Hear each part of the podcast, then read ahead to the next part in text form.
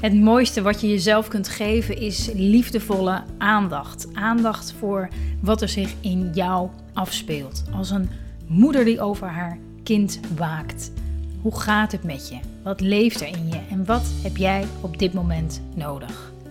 Lieve Moeders is er voor moeders met jonge kinderen die van deze periode in hun leven een onvergetelijke, waardevolle tijd willen maken, waarin ze zich als vrouw en moeder persoonlijk ontwikkelt.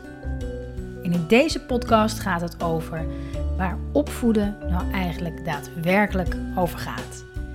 Mijn naam is Marjolein Mennis en ik ondersteun moeders met jonge kinderen om het beste uit zichzelf en daarmee uit hun kinderen te halen. Ik deel video's, blogs over het moederschap op YouTube, Instagram en Facebook. Ja, lieve moeder, welkom. Fijn dat je weer luistert naar de 23e aflevering van de Lieve Moeder podcast. En hoe langer ik zelf moeder ben, hoe meer ik me bewust word van ja, dat het moederschap één grote wake-up call is. Zo'n beetje alle zielenroerselen komen naar boven. Eigenlijk bijna vanaf het moment dat je, dat je zwanger bent. Hè? En ja, dat is allemaal niet, niet zomaar. Hè? Dat, dat, dat, dat gebeurt gewoon ja, via, via je kind, eigenlijk door je kind. Hè? Je kind is echt je spiegel, zeggen ze altijd. En het is ook absoluut waar. Maar ja, soms is het niet alleen maar een spiegel waar je af en toe in kijkt, waarin je jezelf terugziet, waarin je iets terugziet van jezelf waar je misschien wel helemaal niet zo blij mee bent, maar ook dingen terugziet waar je wel heel blij mee bent.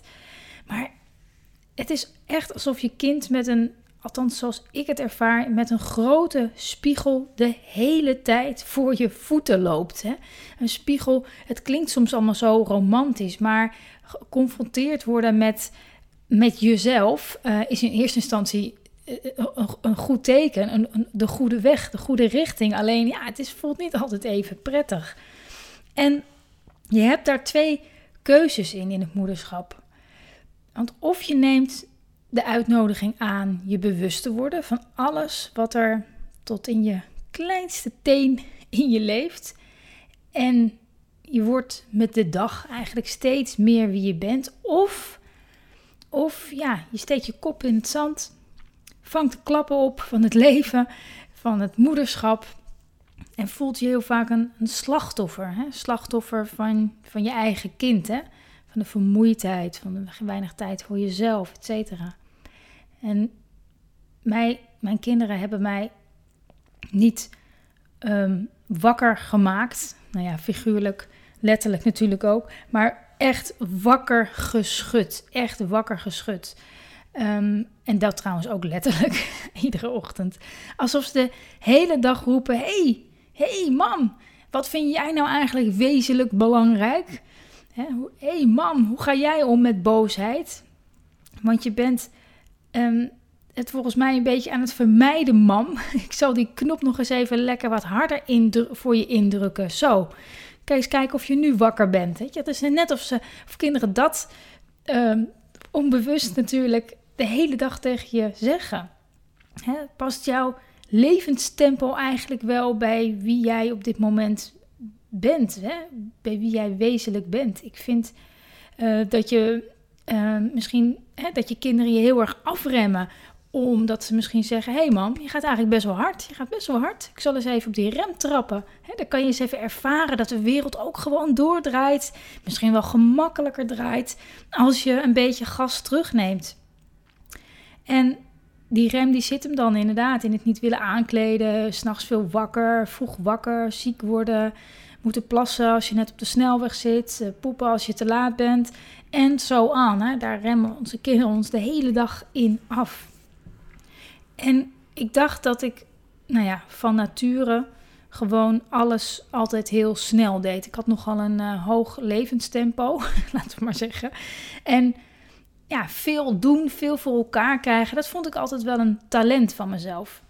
Maar als ik terugkijk naar voordat ik kinderen had, weet ik ook dat ik daar eigenlijk helemaal niet zo heel gelukkig mee was. Dat ik altijd wel weer zocht naar manieren om het rustiger aan te kunnen doen. Maar ik me altijd weer ja, liet verleiden om ja, even een studie te gaan volgen of toch even weer een project op te pakken. Maar mijn levenstempo is, ja, net als bij veel moeders, echt drastisch afgeremd sinds de komst van de kinderen. En dat ging niet zonder slag of stoot. Dat ging met heel veel weerstand. En het gaat nog steeds soms met weerstand. En nog steeds baal ik er wel eens van hè, dat het allemaal niet opschiet. Hè.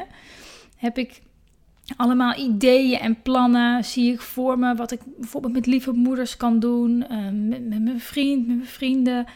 Ehm, en weet ik ook, ja, dit, dit kan niet allemaal. Ik kan dit niet allemaal doen. Hè? Mijn kinderen leren me ook tevreden zijn met elk klein stapje, met elk kort momentje.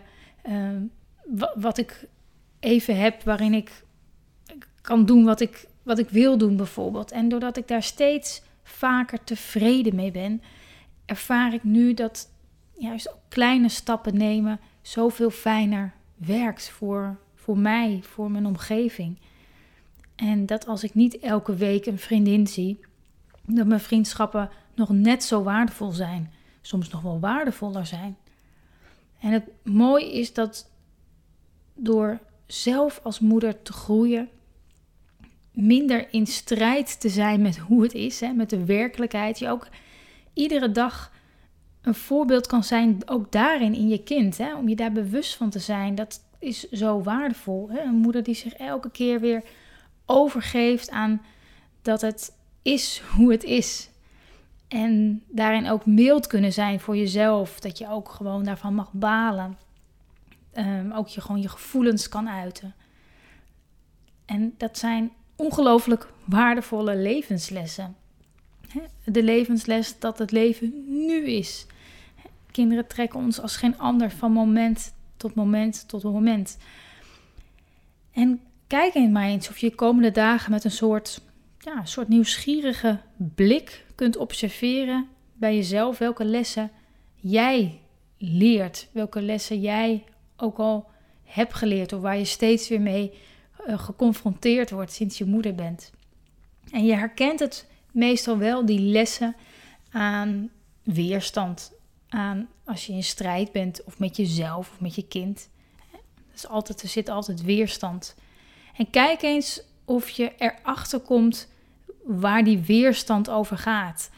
Waar ben je bang voor? Wat maakt dat je dit zo belangrijk vindt? En is het ook echt zo belangrijk voor je? Gewoon eens nieuwsgierig zijn naar waar je tegen aan het uh, vechten bent.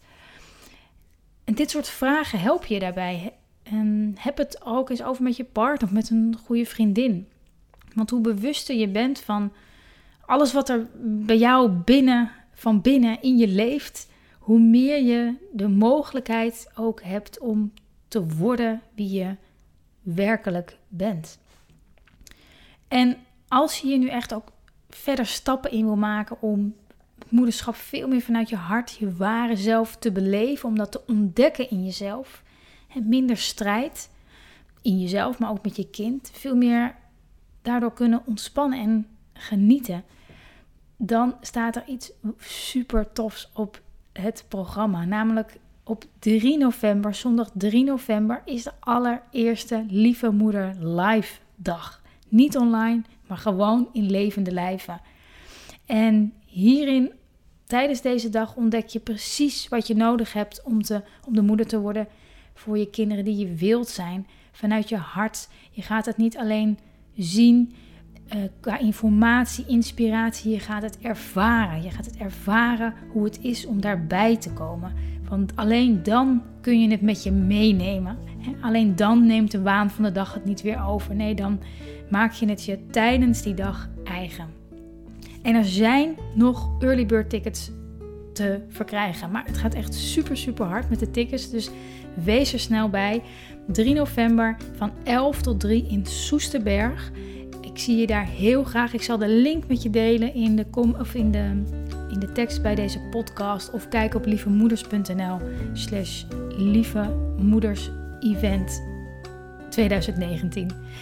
Ik zie je daar heel graag terug en dank je wel voor het luisteren.